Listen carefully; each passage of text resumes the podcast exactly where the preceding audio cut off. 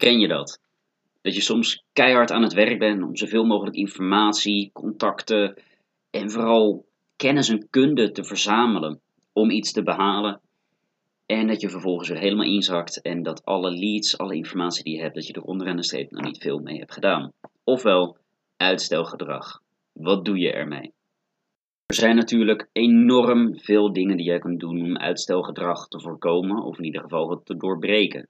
Ik ben van mening dat het doorbreken van uitstelgedrag nog altijd vaker gebeurt en vaker hoort te gebeuren dan het simpelweg te voorkomen. Ik denk dat het voorkomen van uitstelgedrag, ja, misschien zelfs gewoon totaal onhaalbaar is, omdat wij als mensen simpelweg zo gemaakt zijn.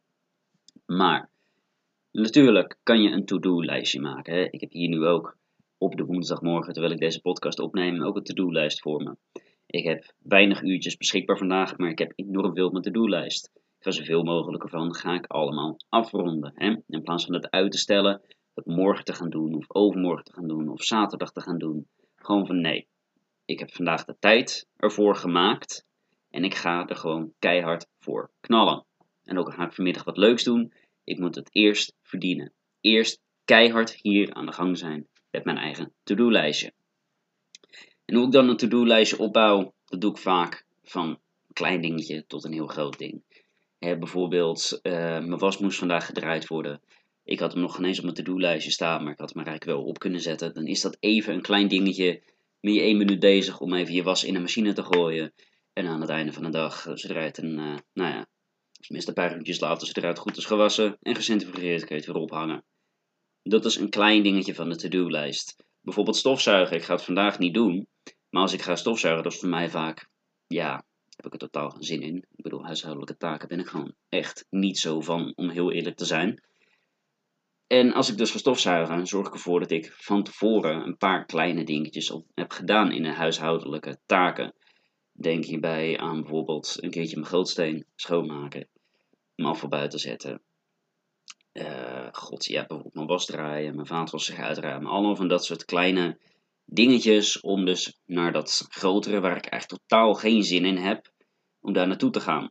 Zodat je namelijk een klein momentum kan gaan opbouwen. Dat ieder klein dingetje die jij doet, dat het weer bijdraagt aan een volgend iets, aan een grotere iets.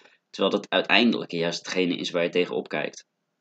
9 van de 10 keer is natuurlijk dat opkijken tegen iets helemaal niet zo geoorloofd, omdat het vaak gewoon nou ja, een paar minuutjes werk is, alleen je er gewoon totaal geen zin in hebt. Dat je vaak denkt van joh, ik heb wel betere dingen te doen. En dat zie ik ook meer dan genoeg. Hè? Maar bijvoorbeeld voor vandaag, ik heb op mijn to-do-lijstje heb ik de leads voor modellenwerk. Ik heb over de afgelopen tijd heb ik enorm veel leads behaald. Bedrijven uh, waarvan ik gewoon contactgegevens heb. Denk je bij aan grote kledingzaken, kleine kledingzaken, modellenbureaus, fotografen. Gewoon van alles eigenlijk aan informatie. En ik schoof het iedere keer vooruit. Ik heb er geen zin in, het is zoveel werk, bla bla bla. Maar hey, het is nu gewoon heel simpel. Ik weet dat ik het moet doen. Dus ik weet dat ik het vandaag ga doen. En bijvoorbeeld ook de drie podcasts en de drie blogs die ik vandaag ga creëren. Zodat ik de rest van de dagen van deze week dat ik nog vrij ben, dat ik keihard kan knallen aan andere doelen. Aan de andere kanten van mijn eigen bedrijf. En ik wil gaan sporten, een uurtje, twee uurtjes. Ik wil de TikTok-content wil ik weer mee aan de gang gaan. Sowieso een stukje lopen. Ik moet nog wat foto's posten van een samenwerking. Contact opnemen met een aantal ehm, bedrijven of een aantal castingbureaus waar ik al ingeschreven sta. Bijvoorbeeld met een SKJ-registratie moet ik nog wat meer informatie over verkrijgen. Allerlei kleine dingetjes waarvan ik denk ik 10 minuutjes, 15 minuutjes per ding mee bezig ben staan allemaal even op de to-do-lijst en ik ga ze stuk voor stuk afwerken. Want eigenlijk is, uitstelgedrag, we doen het allemaal, maar het is niet nodig. Het is gewoon veel, schrijf op wat je moet doen en ga het gewoon doen. Weet je, zet een lekker muziekje bijvoorbeeld op. En die staat nu al even op stil, terwijl ik deze podcast opneem. Zodra ik zo meteen het ga uitwerken, dan gaat zeker het muziekje ook weer aan. En maak het jezelf gewoon zoveel, um, zo fijn mogelijk eigenlijk. Want 9 van de 10 keer is de zogenaamde marteling van die dingetjes op je to-do-lijstje is helemaal niet zo erg. Kijk, als jij alleen die taak moet doen, ja, dan is het vaak iets waar je tegenaan kan hikken. Maar als je er bijvoorbeeld een beloning aan koppelt, kan het weer fijner zijn. Als je een muziekje op de achtergrond zet, kan het weer fijner zijn. En simpelweg ook de knop omzetten in je hoofd van hé, hey, luister, het moet gewoon even gedaan worden. Dus ik ga het gewoon eventjes doen. Dus, uitstelgedrag. Wat is dat nou eigenlijk? Het is simpelweg van, joh, je weet dat je iets moet doen. En je blijft iedere keer vooruitschuiven, vooruitschuiven, vooruitschuiven. Totdat je zegt van, oké, nou kan ik het niet meer vooruitschuiven. En 9 van de 10 keer zit je dan met de gebakken peren, omdat het dan of te laat is, of een te slechte kwaliteit is, of dat je al andere dingen gepland hebt staan, dus dat datgene wat je uitstelt, dat het helemaal niet meer gedaan wordt. Zorg ervoor dat je dat niet doet. Van joh, ik moet dit doen. En als je op dat moment tijd hebt om dat ene ding te doen, ga dan ook direct dat ene ding doen.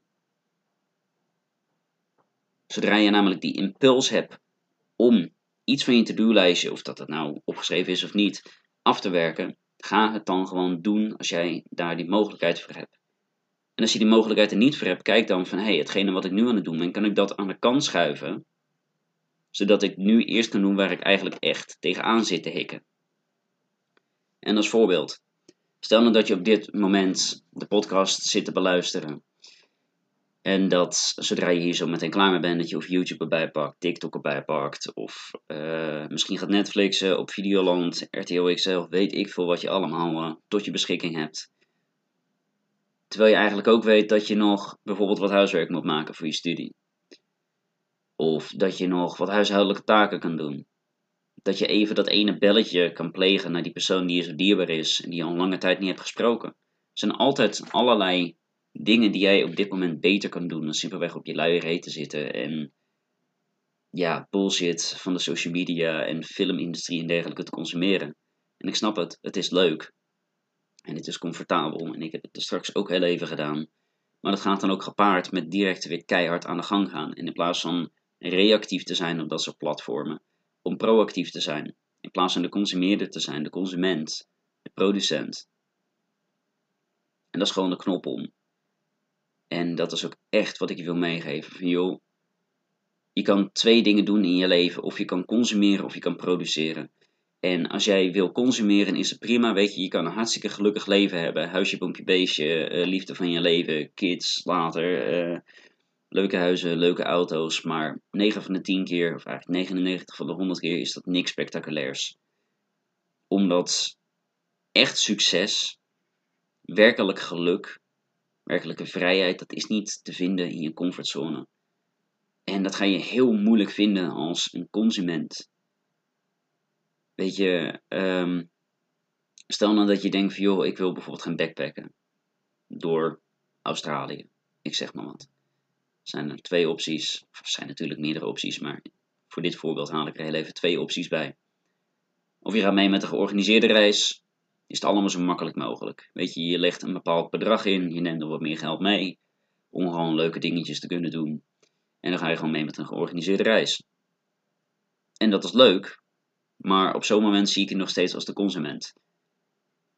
Als jij in plaats van daarvan zelf naar Australië toe gaat met je eigen vliegticket. En natuurlijk goed voorbereid, weet je, met genoeg informatie. Uh, gewoon dat je alles ja, in orde hebt. Maar dat je daar gewoon naartoe gaat en dat je gewoon wel ziet waar het schip staat. Dat je in plaats van alles van tevoren door anderen te laten regelen, zoveel mogelijk zelf regelt en op locatie gewoon je eigen brein gaat gebruiken. Dat is het hele ding. Ben jij reactief of ben jij proactief? Volg jij simpelweg weer de, de kudde? Of ben jij degene die de kudde leidt? Of misschien heb je helemaal geen kudde nodig. En ga je gewoon op je eigen voet. Dat is het hele ding van het leven. Je kan altijd kiezen om de consument te zijn. En van nature zijn wij als mensen ook consumenten. Dus ja, het is aan jou om juist, ondanks dat je alle redenen hebt om een consument te zijn, om juist die producent te zijn.